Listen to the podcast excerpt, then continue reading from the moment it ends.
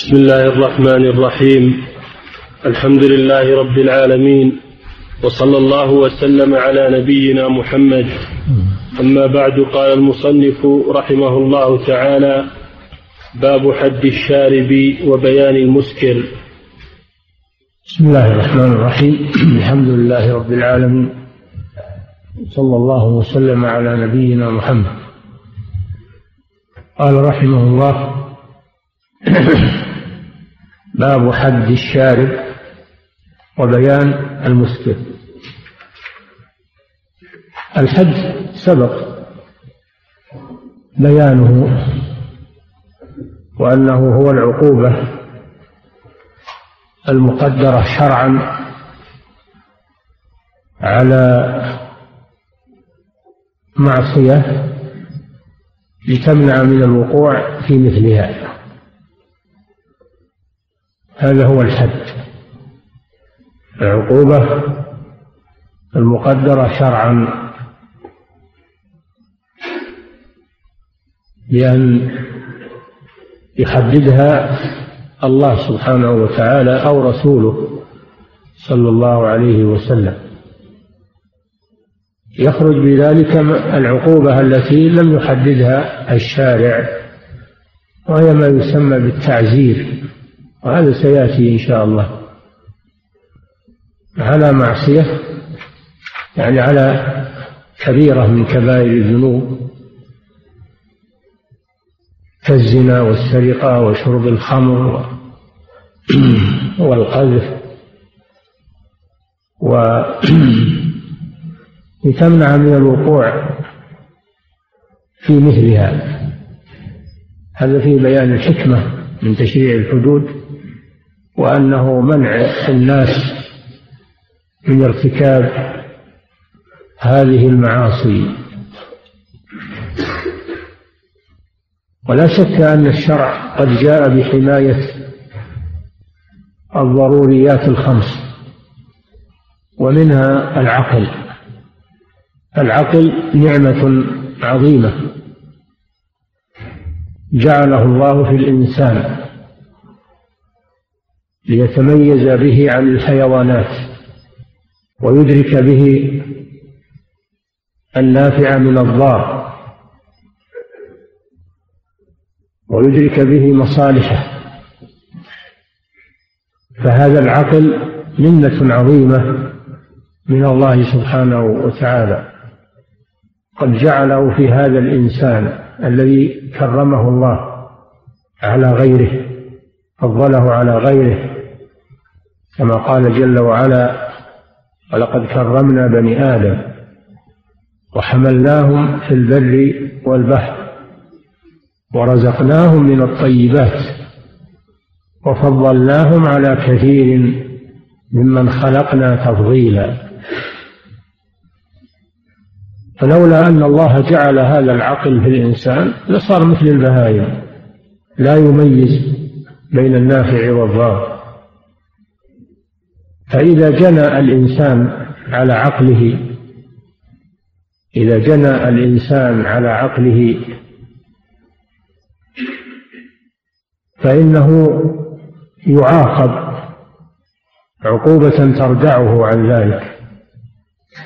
وكيف يجني الإنسان على عقله؟ لو جنى عليه إنسان آخر وأزال عقله ففيه الدية كاملة لأن العقل من المنافع. التي فيها الدية كاملة فإذا جنى عليه إنسان بما أزال عقله وخبله وجبت الدية على الجاني أما إذا جنى هو على نفسه بأن أخذ شيئا يخل بالعقل فإنه يعاقب ليرتدع.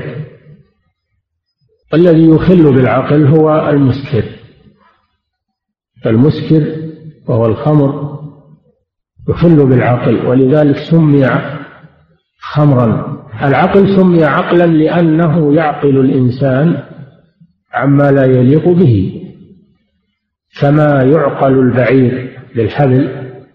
كذلك جعل الله هذا العقل في الإنسان ليعقله عما لا يليق به. فإذا تناول الإنسان شيئا يخل بهذا العقل من المواد المسكرة أو المواد المخدرة فإنه تجب عقوبته لأجل أن يرتدع هو وغيره. ومن المواد التي تخل بالعقل المسكر سمي مسكرا لأن من السكر وهو الاختلاط. لأن السكران تختلط عليه الأمور فلا يميز بين الصالح والطالح وذلك بتعاطيه الخمر. والخمر ما خامر العقل ما خامر العقل يسمى خمرا من التغطية. مثل الخمار للمرأة سمي خمارا لأنه يغطي رأسها ووجهها. الخمر ما خامر العقل أي غطاه. والله جل وعلا حرم الخمر. فهي حرام بالكتاب والسنة والإجماع. أما الكتاب ففي قوله تعالى يا أيها الذين آمنوا إنما الخمر والميسر والأنصاب والأزلام رجس من عمل الشيطان فاجتنبوه لعلكم تفلحون. إنما يريد الشيطان أن يوقع بينكم العداوة والبغضاء في الخمر والميسر ويصدكم عن ذكر الله وعن الصلاة. فهل أنتم منتهون؟ فحرم الخمر وأمر باجتنابها. وحرم الميسر والميسر هو القمار وهو المراهنات التي تؤخذ عليها جوائز مالية. هذا هو الميسر لأن هذا أكل للمال بالباطل ما عدا ما استثناه الرسول صلى الله عليه وسلم من الثلاث.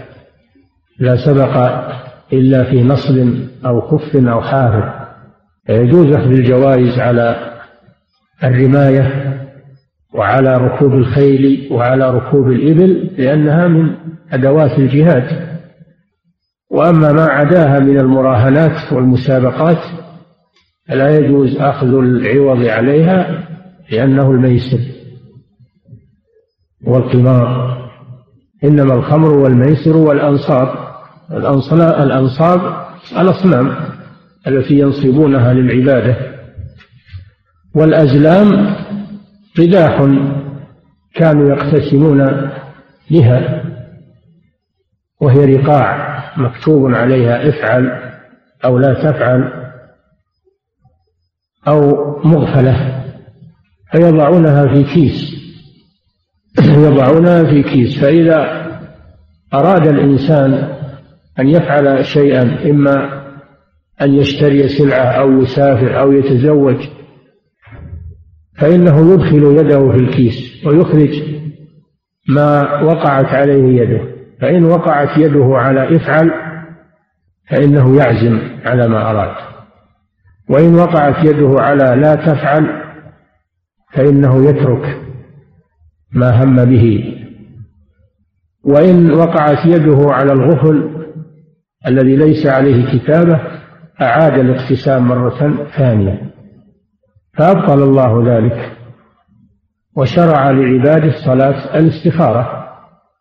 الإنسان إذا هم بأمر ولم يعرف المصلحة من المضرة فإنه يصلي صلاة الاستخارة ويدعو بالدعاء الوارد. هذا بدلا من الاستقسام بالأزلام. الشاهد من الآية أن الله قرن الخمر مع مع الأنصاب والأزلام والميسر وحرم الجميع. وأما السنة فهذه الأحاديث التي تأتي في الباب وغيرها. وأما الإجماع فقد أجمع العلماء على تحريم الخمر. وكانت الخمر في الجاهلية كانت رائجة وكانوا يتمدحون بها وينشدون فيها الأشعار الكثيرة كما هو موجود في الشعر الجاهلي. فلما جاء الإسلام وكان الناس منهمكين فيها لم يبادر بتحريمها بل إنه حرمها سبحانه على التدريج حتى لأنها متأصلة في العقول متمكنة عند الناس. فلو حرمها من أول وهلة لشق ذلك عليهم. الشارع الحكيم تدرج في تحريمها. حرمها وقت الصلاة فقط. يا أيها الذين آمنوا لا تقربوا الصلاة وأنتم سكارى حتى تعلموا ما تقولون. فحرمها في وقت الصلاة. ثم إنه سبحانه لما ألفوا تحريمها في وقت الصلاة وقلت رغبتهم فيها حرمها مطلقا في سورة المائدة. فأنزل هذه الآية يا أيها الذين آمنوا إنما الخمر والميسر والأنصاب والأزلام رجس من عمل الشيطان. إلى قوله تعالى فهل أنتم منتهون؟ فحرمت الخمر تحريما قاطعا في كل الأحوال. وانتهى المسلمون عنها. وأمر النبي صلى الله عليه وسلم بأن تراق الخمر الموجودة فخرجوا إليها في الأسواق وشقوا جنانها فسالت في الأسواق وأهدرها النبي صلى الله عليه وسلم. هذه هي الخمر. وأشد من الخمر ما حدث بعد القرون المفضلة من المخدرات.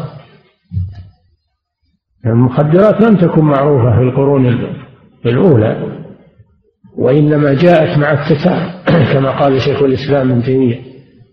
جاءت لما اجتاح التتار بلاد المسلمين جاءوا معهم بالحشيشة جاءوا معهم بالمخدرات وهي أشد فتكا من الخمر لأن الخمر تغطي العقل فترة ثم تزول. وأما المخدرات فإنها تغطي العقل وتفسد الجسم. تفسد الجسم. وتحدث فيه خللا عظيما ومرضا فتاكا وإدمانا. تحدث فيه إدمانا بحيث لا يستطيع مفارقتها. ويشتريها بأغلى الأثمان ولو بعرضة لأنه لا يستطيع إذا تناولها مرة فإنه يبتلى بها ولا يستطيع التخلص منها وتقضي عليه تقضي على عقله وتقضي على جسمه وتقضي على أخلاقه. يصبح ما عنده إحساس يصبح متبلدا ويصبح عالة على غيره لا يستطيع الحركة ولا يستطيع الكسب. كما هو معلوم من حالة الذين يتعاطون المخدرات؟ نسأل الله العافية. فلذلك رأى العلماء أن من يجلب الخمر يجلب أن من يجلب المخدرات إلى بلاد المسلمين ويروجها أنه يقتل لأنه من المفسدين في الأرض الذي يروجها ويجلبها إلى بلاد المسلمين هذا من المفسدين في الأرض الذين يسعون في الأرض فسادا فأعطوه حكم المحارب فصاروا يقتلونه قطعا لشره عن المسلمين وعن بلاد المسلمين. وأما الذي يتعاطاها فهذا يعالج. هذا يعالج ويدخل المصحات حتى تذهب عنه وتخف عنه ويتوب إلى الله عز وجل. وكذلك المفترات التي لا تسكر ولا تخدر ولكنها تفتر الجسم مثل القات ومثل التنباك أو الدخان فهذه فهذه تفتر الجسم وتورث الأمراض الفتاكة وتقضي على الصحة وتحدث في الجسم خللا عظيما حتى تؤدي إلى موت الإنسان موتا بطيئا. لذلك حرم النبي صلى الله عليه وسلم كل مسكر وكل مخدر وكل مفتر كل مفتر. نهى عن كل مسكر ومفتر.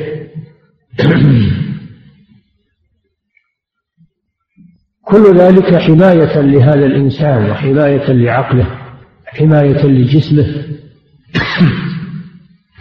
لأن الله خلقه لعبادته خلقه ليعمر هذه الأرض بالطاعة والإصلاح. ما خلقه عبثا لذلك حماه مما مما يعطل مواهبه أو يعطل حواسه أو يعطل عمله حماه من ذلك لتشريع هذه الحدود الرادعة. فلا شك أن القاس أنه أشد من الدخان ولكنه دون المخدرات. هو دون المخدرات وأشد من الدخان والدخان أيضا خبيث خبيث الرائحة خبيث الطعم. خبيث الأثر وهذا ظاهر على من يتعاطاه. الذين يتعاطون الدخان يظهر عليهم الآثار السيئة على أجسامهم وعلى أفواههم وأسنانهم صحتهم. فضلا عما قرره الأطباء في هذا الدخان من الأمراض الفتاكة التي تقتل الإنسان. وحتى الذي لا يشرب الدخان يتأذى به. إذا قرب ممن يشربه إذا كان عندك أو قريبا منك مدخن في منزل أو في سيارة أو حتى في الشارع أو في أو في مركبة فيها مدخن فإنه يضايق الناس و ويؤثر عليهم. بل إن الأطباء يقولون إن الذي تنتقل إليه رائحة الدخان يتضرر أكثر من المدخن. هذا الدخان الذي يدخل في منا في في مشام الناس وفي مناخرهم يؤثر عليهم ولو لم يشربوه. بل ربما يكون ضرر من شمه ولو لم يتعمد ذلك أن ضرره أشد على من يتعاطى فلذلك يمنع الدخان في الدكاكين وفي الأسواق وفي المكاتب وفي وفي المراكب الطائرات وفي السيارات وفي لأن فيه ضررا على الناس عموما على من يتعاطاه ومن لا يتعاطاه ممن هو بجواره. فهو مؤذي وخبيث. فهذه آفات يجب على المسلمين أن يتجنبوها. وأن يحذروا منها وأن يحفظوا أولادهم لئلا يقعوا فيها لأن لها مروجين ولها دعاة يصطادون الشباب ويصطادون الأبرياء حتى يوقعوهم فيها. فيجب على المسلم أن يحذر مخالطة الأشرار وأن يمنع أولاده من مخالطة الأشرار في الشوارع أو في أو في المنتزهات أو في غير ذلك أو في الرحلات يمنع أولاده لأن الشر الآن قد تفاقم وعظم فلا بد من الانتباه. فإما أن يوقعوه في الخمر والمسكر أو يوقعوه في المخدرات أو يوقعوه في المفترات كالقات والدخان. وإذا وإذا تعاطى الدخان أو القات تدرج إلى المسكر. وإذا تدرج إلى المسكر تدرج إلى المخدر. فهي شرور يجر بعضها بعضا ويرقق بعضها بعضا. فعلى المسلمين أن يحذروا من هذه الآفات وأن يمنعوا أولادهم ممن يتعاطاها أو يروجها وأن يكونوا على حذر عظيم منها. وعلى ولاة الأمور أن لا يتساهلوا في ردع هؤلاء الذين يروجون هذه الآفات وهذه هذه الأمراض. وهم ولله الحمد جادون في هذا. ويجب على المجتمع مساعدة ولاة الأمور على محاربة هذه الأشياء. حتى يسلم المسلمون من شرها وخطرها. نعم. عن أنس بن مالك رضي الله عنه أن النبي صلى الله عليه وسلم أتي برجل قد شرب الخمر فجلده بجريدتين نحو أربعين. قال وفعله أبو بكر. فلما كان عمر استشار الناس فقال عبد الرحمن بن عوف أخف الحدود ثمانون فأمر به متفق عليه. هذا الحديث عن أنس رضي الله عنه أن رسول الله صلى الله عليه وسلم أتي بشارب أي بشارب للخمر. فهذا فيه دليل على الاحتساب إنكار المنكر بأن يؤخذ بأن يؤخذ السكران أو متعاطي المخدرات أو المفترات أن يؤخذ ويذهب به إلى ولاة الأمور. ولا يترك. تقول ما علي منه بل على المسلمين إذا رأوا من يتعاطى الخمر أو مشتقاتها أو ما هو أشد منها ألا يسكتوا على هذا الأمر. فهؤلاء الصحابة أتوا رسول الله صلى الله عليه وسلم بهذا الشارب. فالرسول صلى الله عليه وسلم حده نحو من أربعين. هذا فيه دليل على ثبوت الحد للخمر وأنه ليس تعزيرا وإنما هو حد. وهذا محل إجماع أن الخمر له حد وليس تعزيرا فقط. نحو من أربعين أي أربعين جلدة. أربعين جلدة. وفعل ذلك أبو بكر بعد وفاة النبي صلى الله عليه وسلم فجلد الشارب نحو من أربعين. فلما كان في خلافة عمر وكثر شراب الخمر ولم يردعهم الحد الأربعين استشار الصحابة. رضي الله عنهم فيهم المهاجرون والأنصار. استشارهم. فرأوا أن يرفع الحد من أربعين إلى ثمانين جلدة.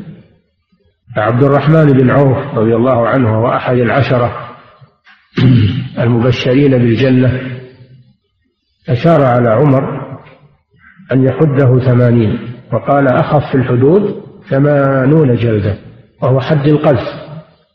كذلك رأى علي رضي الله عنه أنه يرفع إلى ثمانين قال إنه إذا إذا سكر هدى وإذا هدى افترى أرى أن تجلدوه ثمانين.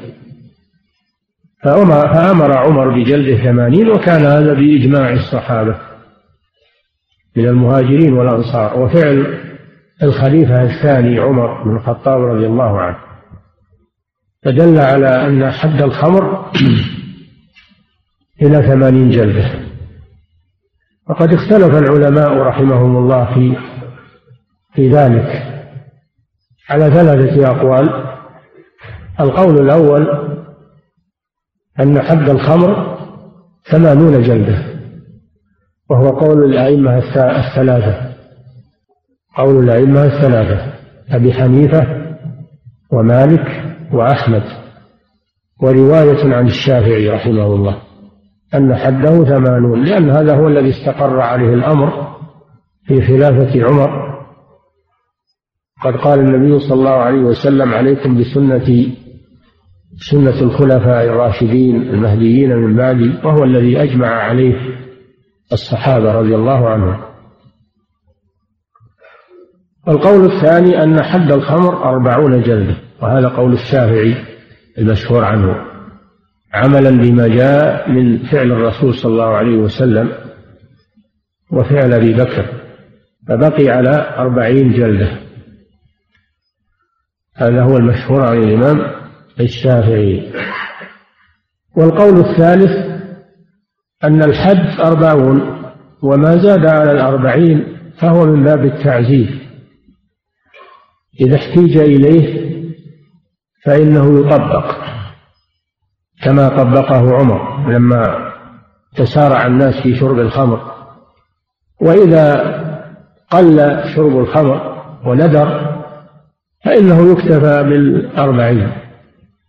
وهذا اختيار شيخ الإسلام ابن تيمية رحمه الله. قول طائفة من أهل العلم أن الحد الأساسي أربعون وأما الأربعون الثانية فإنها تفعل عند الحاجة. وتترك عند عدم الحاجة. هذه أقوالهم.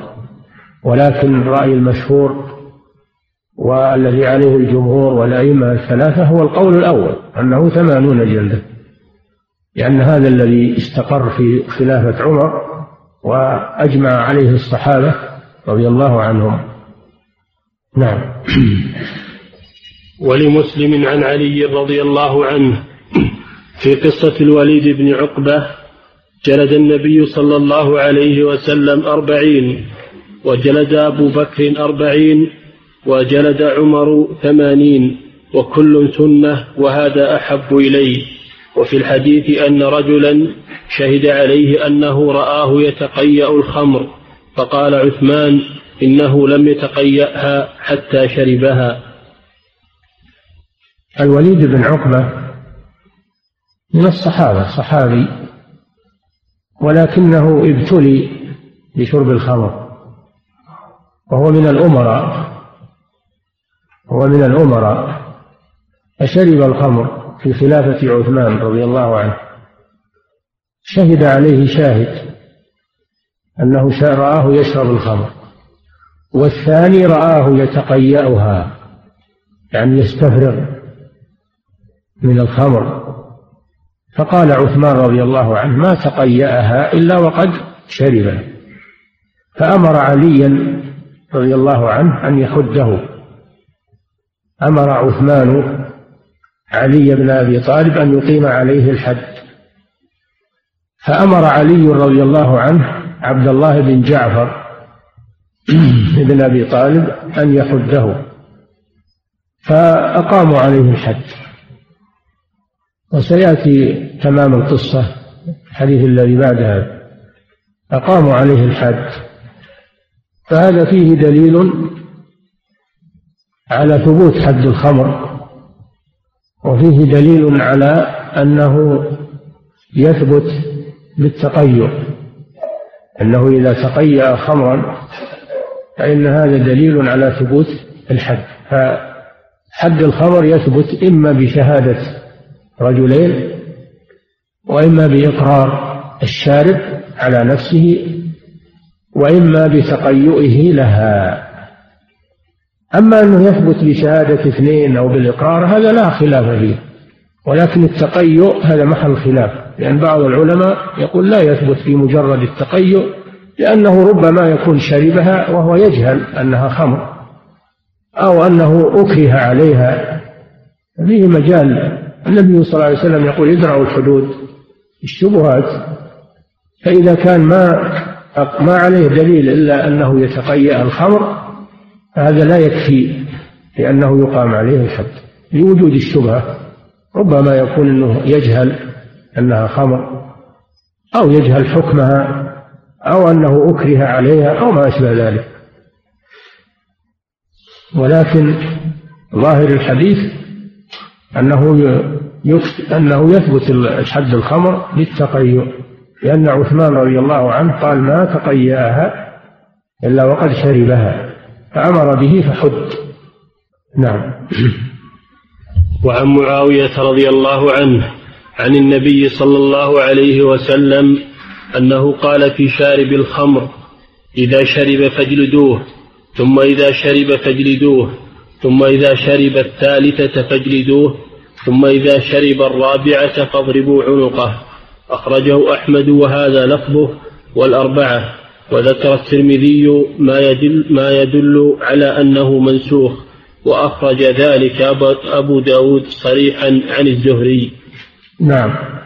هذا الحديث كسابق كسابقه فيه دليل على ثبوت حد الخمر وأنه يكرر عليه الحد كلما شرب. أنه يكرر عليه الحد كلما شرب حتى يرتدع. ولكن إذا كرر ذلك أربع مرات فظاهر الحديث أنه يقتل. ظاهر الحديث أنه يقتل في الرابعة. ولكن جاء ما يدل على أن هذا الحديث منسوخ. وذلك من حديث قبيصة بن المخارق رضي الله عنه أن النبي صلى الله عليه وسلم أتي بشارب للمرة الرابعة فحده ولم يقتله. أتي بشارب للمرة الرابعة فحده ولم يقتله. فدل على أن هذا ناسخ للأمر بقتله. وهذا قول جمهور أهل العلم أنه لا يقتل وإنما يكرر عليه الجلد كلما شرب يكرر عليه الجلد. هذا رأي الجمهور. واختار شيخ الإسلام ابن تيمية رحمه الله أنه يقتل لهذا الحديث لأنه إذا لم يرتدع بالحد أصبح مثل الصائل الذي لا ترجعه الحدود هذا أصبح من المفسدين في الأرض وأصبح مثل الصائل لا يرتدع إلا بالقتل فيقتل. هذا ما يميل إليه شيخ الإسلام ابن تيمية والجمهور على أنه منسوخ وأنه يكتفى بجلده وتكرار الجلد عليه حتى يتوب. نعم. وعن أبي هريرة رضي الله عنه قال قال رسول الله صلى الله عليه وسلم إذا ضرب أحدكم فليتق الوجه. متفق عليه. هذا بيان لمحل الجلد أنه يجلد في كل جسمه ما عدا الوجه فلا يضرب المحدود مع الوجه لأن الوجه مجمع الحواس والبصر والسمع. فربما تتأثر حواسه فينهى عن الضرب في الوجه سواء كان في الحد أو في غيره من التأديب وكما ينهى عن الوسم ينهى عن الوسم في الوجه فالوجه يتقى الوجه يتقى في الوسم للدواب لا توسم مع الوجه وكذلك في الضرب سواء كان تأديبا وتعزيرا أو كان حدا فلا يضرب في الوجه. ويكون الضرب في بقية الجسم وفي المواضع التي لا خطر فيها. الموضع الذي فيه خطر من الجسم لا يضرب إنما تضرب المواضع التي ليس فيها التي ليس فيها خطر. لأن هناك في الجسم مواضع حساسة. لو ضربت ربما يموت الإنسان فتجتنب هذا فيها أن المقصود بالضرب هو التأديب وليس المقصود القتل. والإسلام يحافظ على كرامة الإنسان على حياته ولو كان مجرما. فإنه يحافظ على حياة ما لم يستحق القتل. فإذا استحق القتل فإنه يقتل. لكن تحسن القتلة أيضا. قال صلى الله عليه وسلم إن الله كتب الإحسان على كل شيء. فإذا ذبحتم فأحسنوا الذبحة فإذا قتلتم فأحسنوا القتلة وإذا ذبحتم فأحسنوا الذبحة وليحد أحدكم شفرته وليرح ذبيحته. ففيه أن أن الذي يقام عليه الحد يتجنب المواضع التي فيها خطورة من جسمه ويضرب في المواضع التي ليس فيها خطورة. نعم. وعن ابن عباس رضي الله تعالى عنهما قال قال رسول الله صلى الله عليه وسلم لا تقام الحدود في المساجد رواه الترمذي والحاكم. وهذا يدل على المواضع التي تقام فيها الحدود. تقام الحدود في أي مكان ما عدا المساجد. تقام الحدود في في الشوارع وفي مجمعات الناس لأجل أن يشتهر الحد. قال جل وعلا وليشهد عذابهما طائفة من المؤمنين فيقام الحد على مرأى من الناس. ولا يقام خفية في مكان لا يراه الناس. إلا المساجد المساجد فيها ناس وهي مجمع الناس لكن لا تقام فيها الحدود. تقام خارج المساجد لأن المحدود ربما يحصل منه يخرج منه شيء إما دم وإما شيء من الفرج من الفرجين بول أو غائط فيلوث المسجد فلا تقام الحدود في المساجد لا تقطع الأيدي في المساجد ولا يجلد في المساجد ولا يرجم في المساجد. تجنب المساجد إقامة الحدود لئلا يحصل من جراء إقامتها في المساجد يحصل لذلك تأثير. في المساجد من تلويث أو نجاسة أو رفع أصوات ولغط. المساجد إنما بنيت لذكر الله وإقامة الصلاة والعبادة. فتجنب الأشياء التي تتنافى مع حرمتها ومكانتها. نعم. وعن أنس رضي الله عنه قال لقد أنزل الله تحريم الخمر وما بالمدينة شراب يشرب إلا من تمر. أخرجه مسلم. وعن عمر قال نزل تحريم الخمر وهي من خمسة من العنب والتمر والعسل والحنطة والشعير والخمر ما خامر العقل. متفق عليه. نعم. وعن ابن عمر رضي الله عنهما أن النبي صلى الله عليه وسلم قال كل مسكر خمر وكل مسكر حرام أخرجه مسلم.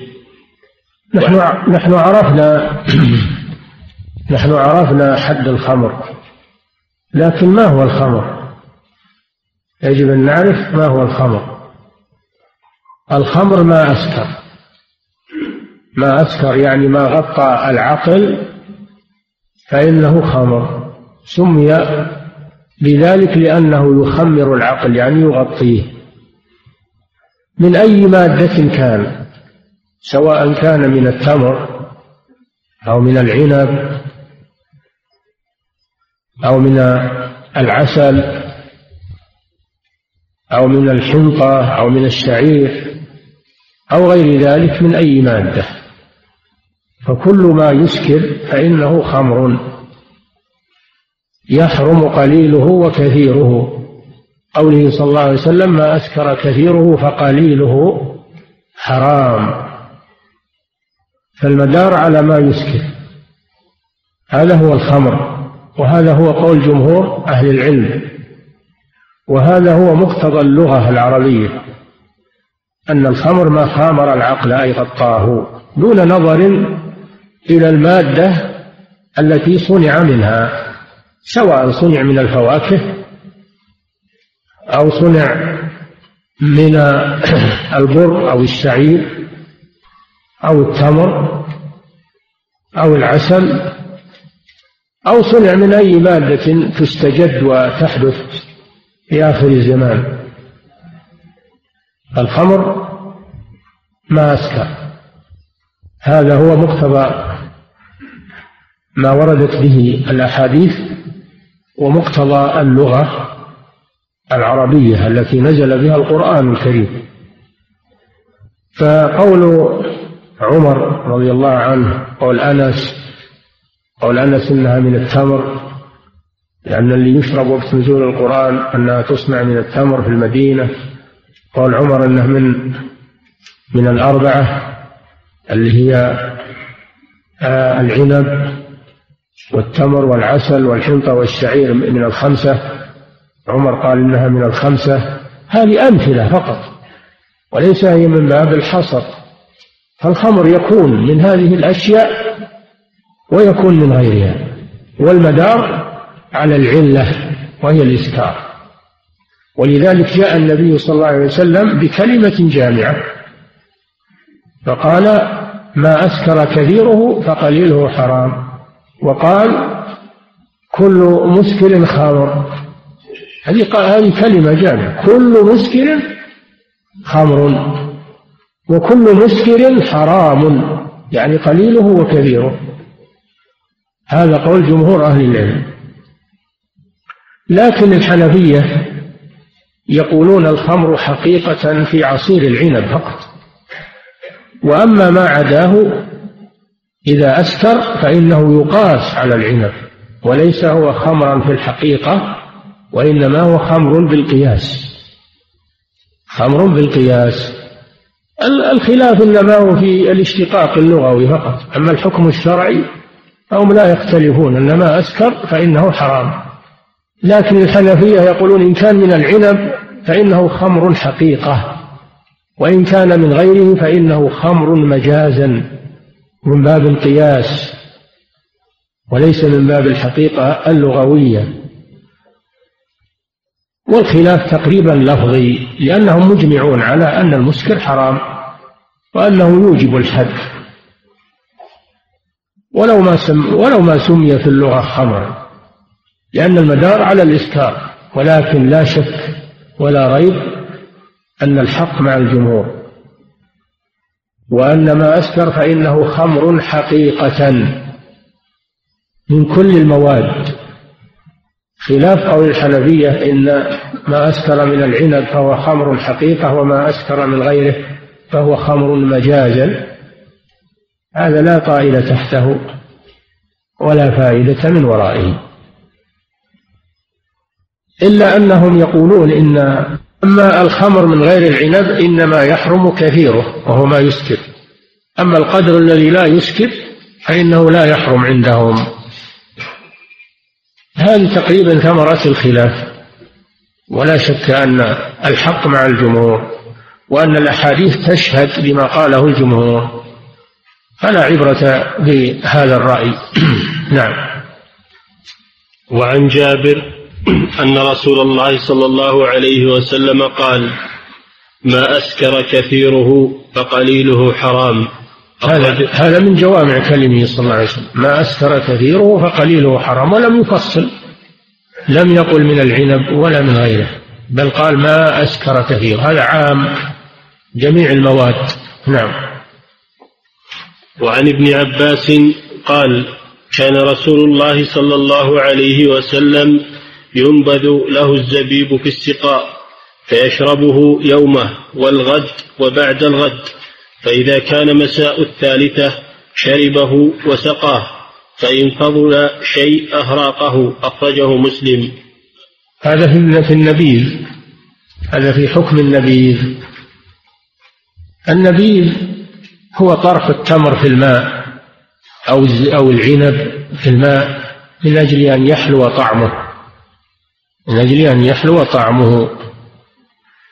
فلا بأس بذلك. هذا مباح أن الإنسان يجعل تمر في ماء أو يجعل عنب في ماء أو يجعل فواكه حلوة في ماء ثم يشربه لأن هذا يكسبه حلاوة وطعما طيبا.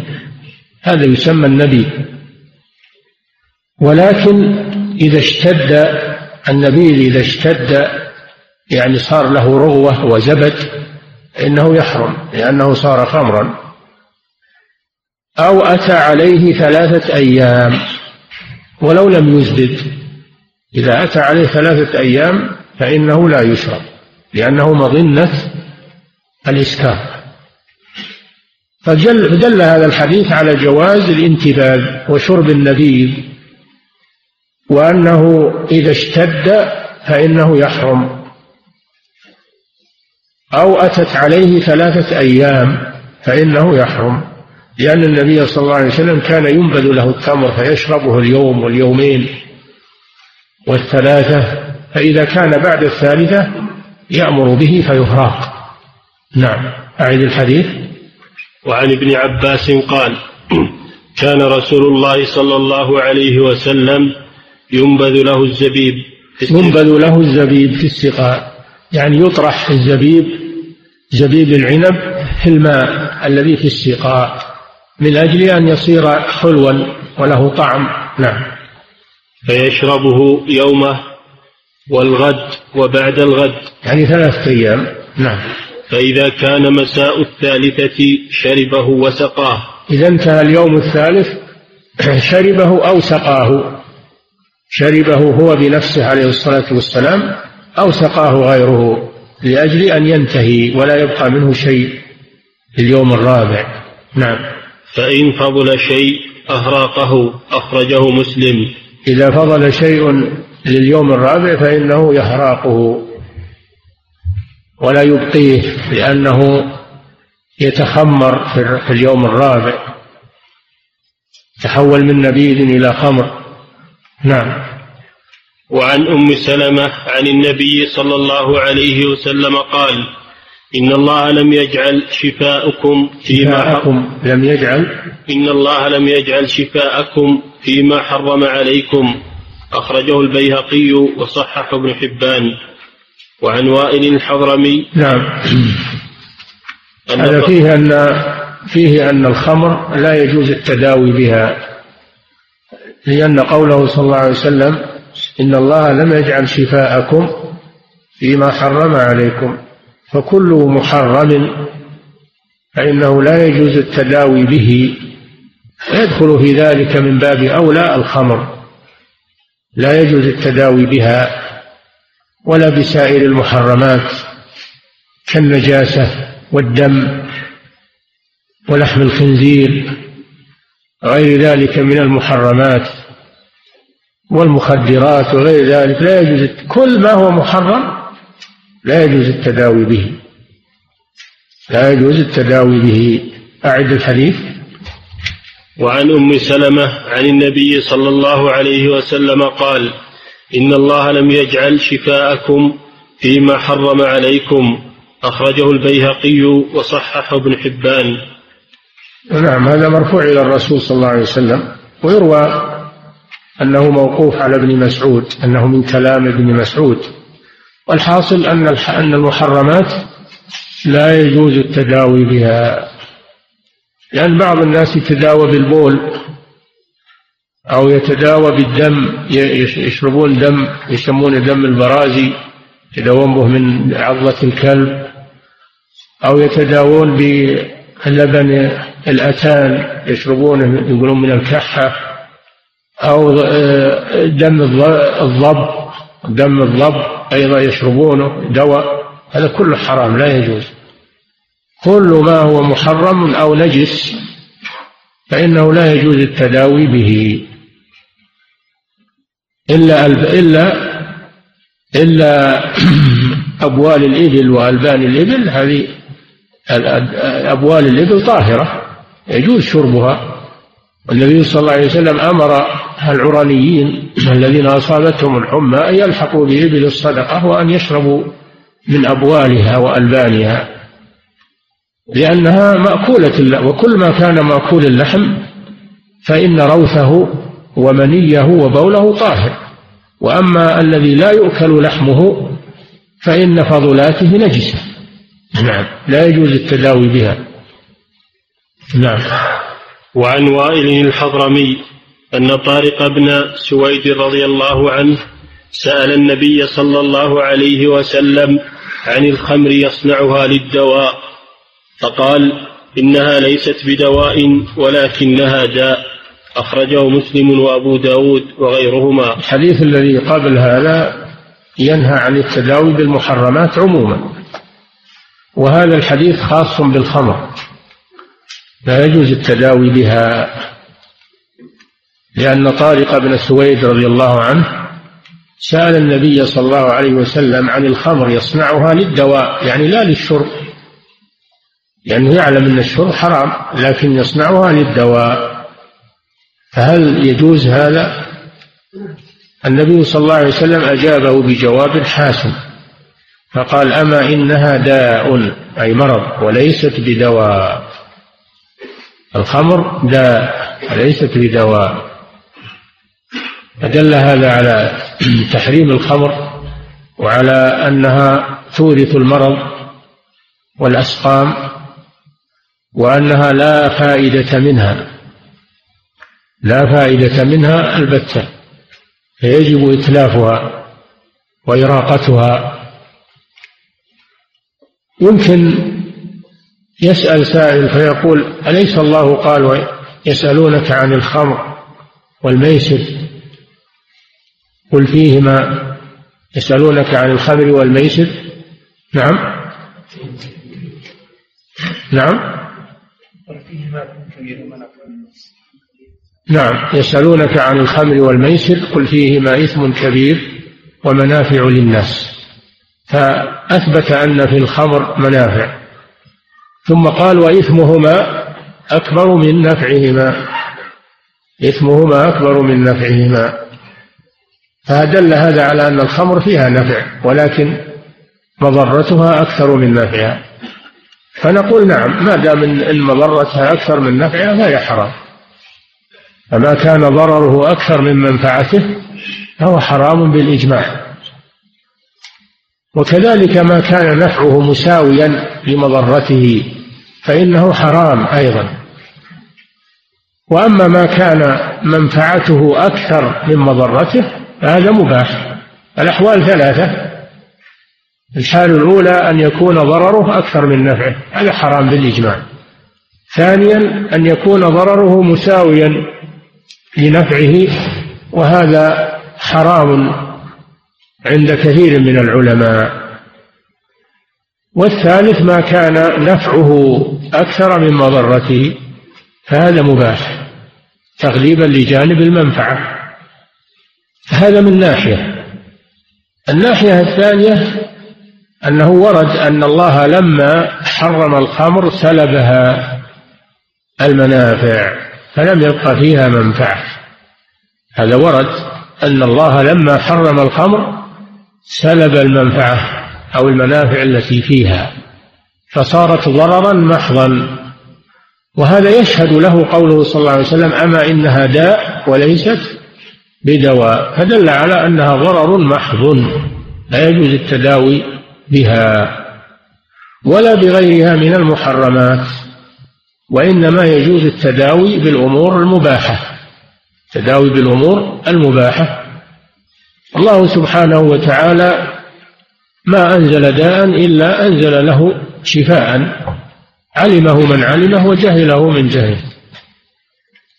فهناك من الأدوية المباحة ما يغني عن الأدوية المحرمة. لم يجعل شفاءكم فيما حرم عليكم. هذا من رحمته سبحانه وتعالى بعباده أنه أغناهم عن التداوي بالمحرمات وجعل لهم أدوية مباحة كثيرة. فلا حاجة إلى التداوي بالخمر. ولا يجوز شربها للعطش لأنها لا لا تذهب العطش وإنما تزيد العطشان تحرق.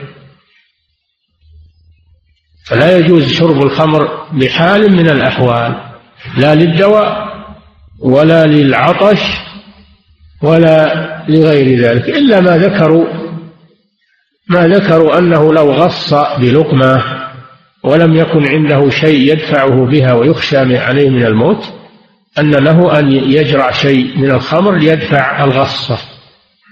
ويعتبرون هذا من باب الضرورة لأنه لا يمكن دفع الضرر إلا بما حضره من من السائل وهو الخمر فيدفع الغصة. أما العطش فإنه لا لا يذهب العطش وإنما يزيده عطشا. وأما التداوي فهو لا يذهب المرض وإنما يزيد المرض مرضا. إذا فالخمر لا يباح استعمالها بحال من الأحوال بل لا يجوز بقاؤها لأن النبي صلى الله عليه وسلم لما حرمت أمر بها فأريقت في الشوارع. فلا يجوز إبقاؤها بل يجب إتلافها في الحال. ولعن النبي صلى الله عليه وسلم شارب الخمر وساقيها وعاصرها ومعتصرها وحاملها والمحمولة إليه وبائعها وآكل. ثمن لعن عشرة لعن عشرة في الخمر. لأنهم تعاونوا على الإثم والعدوان. الخمر رجس كما قال الله تعالى رجس من عمل الشيطان. فلا يجوز إبقاؤها والاحتفاظ بها بل يجب المبادرة إلى إتلافها والإسراع في القضاء عليها لأنها رجس من عمل الشيطان. نعم. باب التعزير. مر, مر حديث علي ما سمعته الليل جلد أربعين ثم قال أمسك. ها؟ ما عندي شيء نعم. ولمسلم عن علي رضي الله عنه. نعم. في قصة الوليد بن عقبة جلد النبي أربعين. نعم. وجلد أبو بكر أربعين. وجلد عمر ثمانين. وكل سنة. وهذا أحب إلي. وفي الحديث أن رجلا شهد عليه أنه رآه يتقيأ الخمر. فقال عثمان إنه لم يتقيأها حتى شربها.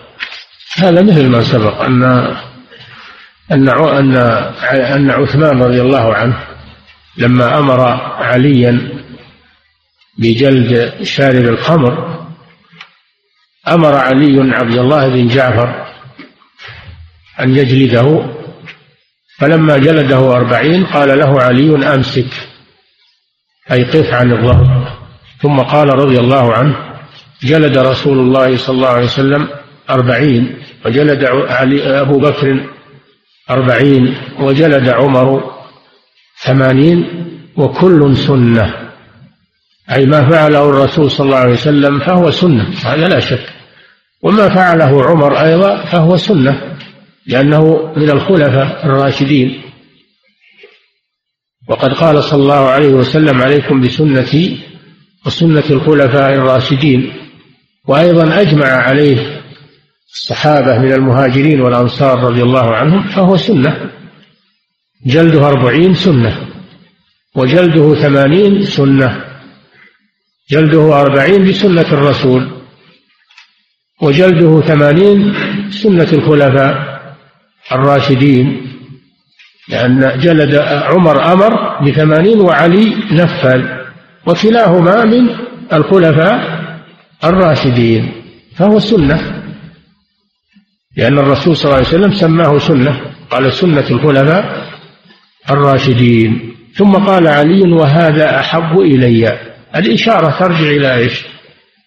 ترجع إلى إلى أقرب مذكور وهو جلد ثمانين. جلد ثمانين. أحب إليه لأن الناس تسارعوا في شرب الخمر. فالأحسن أن يطبق عليهم الأغلظ لردعهم. هذا وجه قوله رضي الله عنه هذا أحب إلي لما فيه من ردع آه، المتساهلين بشرب الخمر. وقيل الإشارة ترجع إلى الأول إلى إلى الأربعين لأنها سنة الرسول صلى الله عليه وسلم. وعلى كل حال سواء رجع إلى الأول أو إلى الثاني فالأمر واضح الأمر واضح. أن جلد الثمانين لا, لا إشكال فيه وهو قول جمهور أهل العلم وهو من سنة الخلفاء الراشدين وإجماع الصحابة فلا غبار على ذلك. نعم. باب حد الشارب وبيان المسكر. خلصنا من هذا. لا إله اللهم ربنا. نعم. باب التعزير وحكم يكفي يكفي نعم. فضيلة الشيخ هل من تناول المخدرات يقام عليه حد الشرب قياسا على الخمر؟ يقام عليه حد الشرب لأنه أولى من من من شارب الخمر. قام عليه حد الشرب ويعالج من الإدمان حتى يبرأ. وهذا هو الذي يعمل الآن أنهم يعالجونه في المصحات حتى يبرأ من هذه الآفة نعم. فضيلة الشيخ إثبات الجريمة سواء كانت زنا أو غيره هل يؤخذ فيه بالوسائل الحديثة مثل التصوير أم لا؟ لا لا يؤخذ فيه إلا بالبينة وهي أربعة شهود على الزنا أو الاعتراف أربع مرات. وما عدا هذا يكون تهمة يعزر. يعزر. أما الحد فلا يقام إلا بالبينة أو إلا بالبينة وهي الاعتراف أو أربعة شهود يشهدون عليه بفعل الزنا. وأما القرائن والأشياء هذه فهذه إنما هي قرائن فقط تثبت التعزير للتهمة. نعم. فضيلة الشيخ قلتم إن الحد عقوبة مقدرة شرعا أي من الله أو رسوله صلى الله عليه وسلم وحينئذ لا يمكن لأحد تجاوز ذلك. ويشكل على هذا اجتهاد الصحابة في عدد جلدات الشارب. فهل نقول إن عقوبة الشارب ليست حدا ولكنها من باب التعزير ويختلف حسب حسب ما يراه ولي الأمر. الرسول صلى الله عليه وسلم لم يحدد في الشارب حدا وإنما جلد نحوا نحوا من أربعين نحوا من أربعين. هذا كلام الراوي. ما قال الرسول اجلدوه أربعين؟ وإنما الراوي يقول نحو من أربعين. فلم يحدد الرسول حدا بينا مثل ما حدد الله في الزاني الزانية والزاني فاجلدوا كل واحد منهما مئة جلدة. والذين يرمون المحصنات ثم لم يأتوا بأربعة شهداء فاجلدوهم ثمانين جلدة. هذا لا يجوز تجاوزه. أما الشارب فلم يحدد فيه حد واضح وإنما قال الراوي نحوا من أربعين. نعم. فضيلة الشيخ هل يجوز السبق في مسائل العلم ابن القيم رحمه الله في كتاب الفروسية يلحق مسائل العلم الشرعي العلم الشرعي الفقه والحديث والتفسير يلحقه بالثلاث لأنه يدخل في الجهاد في سبيل الله لأن تعلم العلم يدخل في الجهاد في سبيل الله فيجيز أخذ الجوائز على المسائل الشرعية على المسابقة في المسائل الشرعية. نعم. فضيلة الشيخ هناك رجل عندما يريد أن يفعل شيئا كأن يسافر أو يأخذ عمرة فإنه يعمل قرعة من ورقتين واحدة فيها نعم والثانية لا فما حكم فعله هذا؟ هذه الأزلام هذه الأزلام لا يجوز هذا العمل لا يجوز هذا العمل. أما القرعة وهي الإسهام هذه شرعية هذه شرعية. النبي صلى الله عليه وسلم استعمل القرعة وليست هي مثل يكتب على رقعة شيء افعل أو لا تفعل إنما يكتب الاسم اسم الشخص على إذا إذا أرادوا قسمة شيء وإذا أراد الشركاء قسمة شيء وأفرزوه فإنهم يعينون أصحاب الإفرازات بالقرعة. يكتبون أسماءهم على رقاع ويعطونها واحد ما يعرفها ثم يخرج هذه الأوراق ويضعها على السهام وكل يأخذ سهمه من وقع اسمه على شيء أخذه هذه القرعة. وفي السفر كان يقرع بين نسائه فمن خرجت لها القرعة سافر سافر بها. نعم. هذا تمييز الأسماء فقط تمييز الأسماء التي يكون آه، فيها اشتباه في المستحق منها. نعم. فضيلة الشيخ بما أن أهل المدينة أما أما افعل أو لا تفعل هذا لا يستعمل فيه الكتابة وإنما تستعمل فيه صلاة صلاة الاستخارة ودعاء الاستخارة. يعني إذا أشكل عليه السفر أو عدم السفر فلا يكتب شيء يقول سافر أو لا تسافر هذا ما يصلح. أو افعل أو لا تفعل. وإنما يصلي صلاة الاستخارة ويدعو بعدها بالدعاء الوارد. نعم.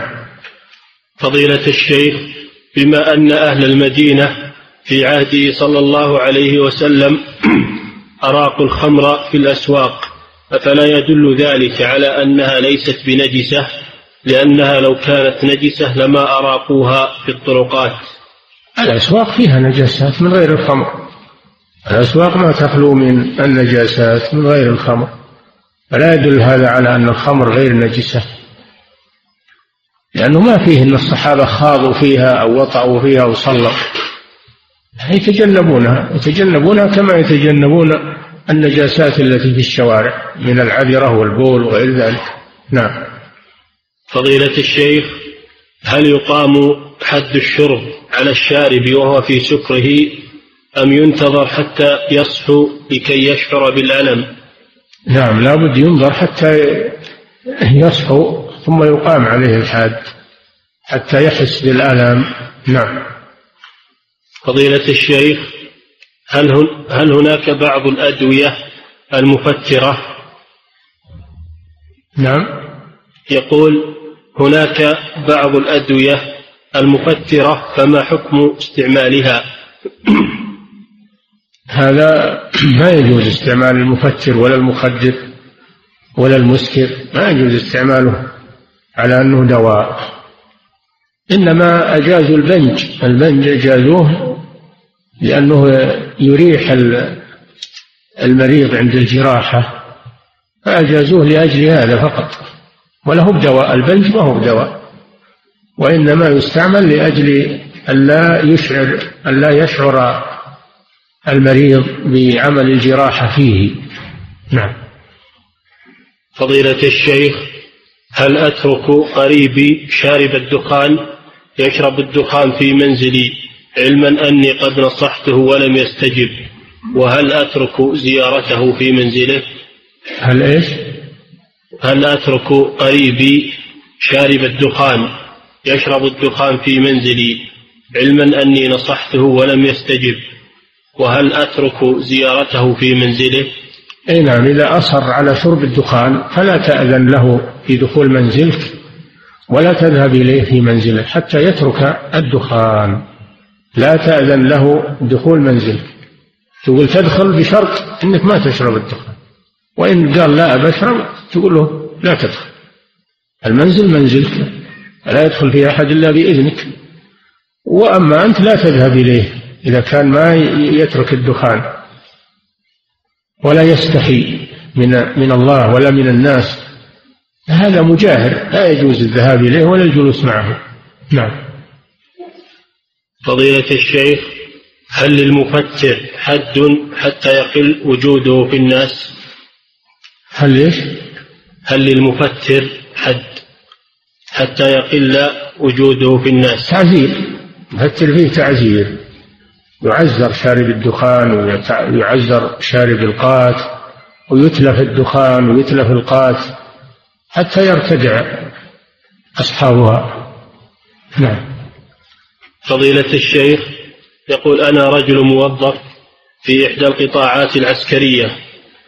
في مكتب واحد وفيه منهم من هو أكبر مني رتبة فيشربون الدخان عندي وأنا مضطر للعمل معهم وعندما أنكر عليهم لا يستجيبون بل يزيدون في ذلك فما العمل في ذلك فهل أسكت لمصلحتي أو, أو أنكر عليهم وقد أتعرض إلى عدة مشاكل إن كان تستطيع الانتقال تستطيع الانتقال إلى مكان آخر ليس فيه مدخنون انتقل. وإذا لم تستطع الانتقال فعليك بالإنكار عليهم ونصيحتهم. وهذا أقصى ما تستطيع. الله تعالى يقول فاتقوا الله ما استطعتم. ويقول من رأى منكم منكرا فليغيره بيده فإن لم يستطع فبلسانه فإن لم يستطع فبقلبه.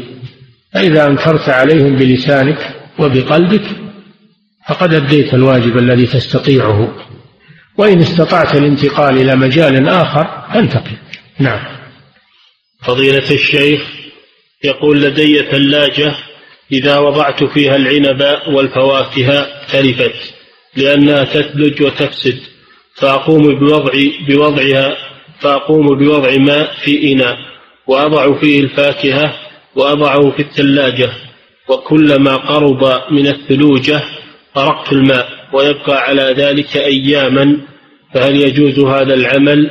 وهل النهي عن شرب الماء الذي فيه العنب أو عن أكل العنب نفسه ولو لم يتغير؟ لا هذا لا حرج فيه ما هو هذا نبيذ هذا ما هو بنبيذ.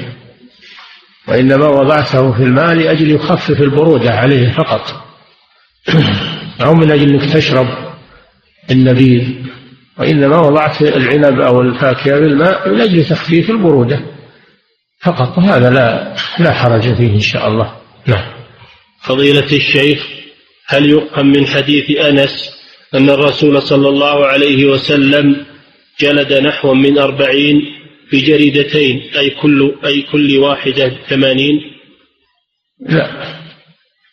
الجلد نحو من أربعين ما, ما وصل ثمانين. لو هو واصل ثمانين محتاج عمر أنه يستشير الناس بذلك وقولهم أنه جريدتين معناه أنه صار ثمانين غلط هذا. نعم.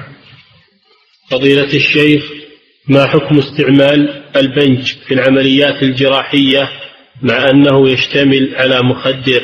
ذكرنا هذا قلنا أنه يجوز استعماله لأن فيه إراحة للمريض ما يحس بالألم في إجراء الجراحة عليه. وليس هذا من التداوي ليس هذا من التداوي وليس هو من شربها أو استعمالها للنشوة أو للطرب. وأيضا هي ترتفع. إذا انتهت مدتها ترتفع. ويعود الإنسان إلى حالته الأصلية تزول عنه بالكلية. نعم.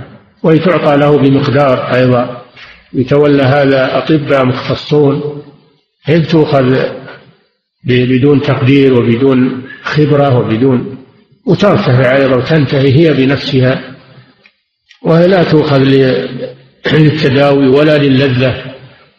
نعم. فضيلة الشيخ ما هو أصل إدخال العاصي في السجن؟ مع أنه مع أن السنة مع أن السنة جاءت بالحد فقط. قد يكون لأجل التثبت منه إدخاله في السجن من أجل التثبت منه لئلا يهرب حتى يصدر عليه الحكم الشرعي لا بأس بذلك لا بأس بسجنه حتى إما يثبت عليه حد أو أنه ما يثبت عليه شيء يطلق. نعم.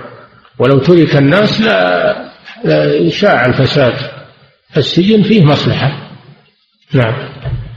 فضيلة الشيخ ما حكم طرح التمر في اللبن لأكثر من ثلاثة أيام؟ لا يجوز هذا لأنه يتخمر إذا زاد على ثلاثة أيام يتخمر فلا يجوز الزيادة على ثلاثة أيام. نعم. أما طرحه في خلال الثلاثة من أجل يصير اللبن حلوا بطعم التمر فلا بأس. نعم. مثل طرحه مثل طرحه في الماء. نعم. فضيلة الشيخ ما الحكم فيما يسمى بالجير والسويكة؟ وهما يوضعان في الفم فترة بحيث يبزق ريقه بين فترة وأخرى ويستأنس بهذه الطريقة علما أن آكلهما يستعين بهما على شغله. إذا كان فيهما تنبيه يعني يحصل تنشيط للجسم ونشوة هذا دليل على خبثهما يتجنبهما والسويكة فيما نسمع أنها تؤخذ من من الدخان ومن وتصنع من الدخان ومن القات يسمونها الشمة أو يسمونها نحو من فهذه مشتقات مشتقات من الحرام فلا تجوز. نعم. فضيلة الشيخ ما حكم الفواكه المنبوذة المعلبة؟ والتي لها مدة صلاحية تصل إلى عامين. إذا وضع فيها شيء يمنع آه، آه، التخمر إذا وضع فيها شيء يمنع التخمر ويمنع التعفن فلا بأس بذلك. ولكن من الناحية الصحية الأطباء يحذرون من المحفوظات هذه واللي فيها مواد حافظة يحذرون منها لما فيها من الأضرار. الصحية. نعم. فضيلة الشيخ هل يثبت شرب الخمر بوجود الرائحة من الشارب؟ الرائحة تعتبر قرينة ولا تعتبر بينة إنما تعتبر قرينة فقط. نعم. فضيلة الشيخ هل يسري حكم النبيذ بالمنع بعد ثلاثة أيام مع وجود الثلاجات التي تمنع تخمره بإذن الله. والله ما ينبغي هذا. ما دام الرسول صلى الله عليه وسلم حدد ثلاثة أيام فلا يجوز أن نجعلها بالثلاجة ونقول أن عقب الثلاث ما تتخمر. لأن هذا تخطي للحديث. لا الحمد لله. وش الداعي إلى أنك تخليها أكثر من ثلاثة صلح ثاني. إذا انتهى الثلاثة صلح نبيل ثاني ولا تخاطر بمخالفة الحديث. نعم. فضيلة الشيخ نرجو من فضيلتكم بيان الحد لصانع الخمر. صانع الخمر حده يقتل لأنه أصبح من المفسدين في الأرض اللي يروجون الفساد اللي يضبطون عندهم مصانع خمر. في بلاد المسلمين يجب قتلهم لأنهم مفسدون في الأرض ويروجون الفساد في الأرض. وهو مثل اللي يروج المخدرات. نعم. فضيلة الشيخ ورد أن شارب الخمر لا تقبل له صلاة أربعين يوما. نرجو بيان ذلك. ما ما رأيت الحديث هذا ولا سمعت. ما أدري. نعم. فضيلة الشيخ ثبوت شرب الخمر للوليد ورد في بعض كتب التاريخ أنه غير صحيح وإنما افتراه عليه أهل العراق لأنه كان واليا عليهم فأرادوا خلعة حتى ذكر بعض المؤرخين أنه أقسم بالله ما شربها. لا هذا ما هو صحيح والمؤرخون لا يعتمد عليهم. نقلت الحديث ونقلت الآثار أثبت منهم. والإنسان ما هو معصوم. الإنسان ما هو معصوم لا الوليد ولا غيره. عرضة للخطأ وعرضة ل... ولكن باب التوبة مفتوح. والصحابة لهم فضائل تغطي ما قد يحصل من بعضهم من الخطأ أو من المعاصي فضائلهم تغطي هذا. صحبته لرسول الله صلى الله عليه وسلم تغطي ما قد يحصل منه من بعض الخطايا. نعم. فضيلة الشيخ من نذر أن يذبح كبشا ولم يحدد هل لا بد أن يكون الكبش مجزئا مثل الأضحية؟ إيه نعم لا بد أن يكون الكبش يكون الكبش سليم من من الأمراض ويكون غير هزيل وغير مما ينتفع به لا بد يكون مما ينتفع به. وأقل سن الثني الثني من من المعز والجذع من من الضأن هذا أقل سن نعم. فضيلة الشيخ إذا أدركت ركعة من صلاة العشاء مع الجماعة فهل أجهر بالقراءة؟ نعم. إذا أدركت ركعة من صلاة العشاء مع الجماعة فهل أجهر بالقراءة بعد قيامي للركعة الثانية مع العلم أن المسجد مزدحم بالمصلين؟ إذا كنت لا تشوش على أحد فاقرأ اجهر.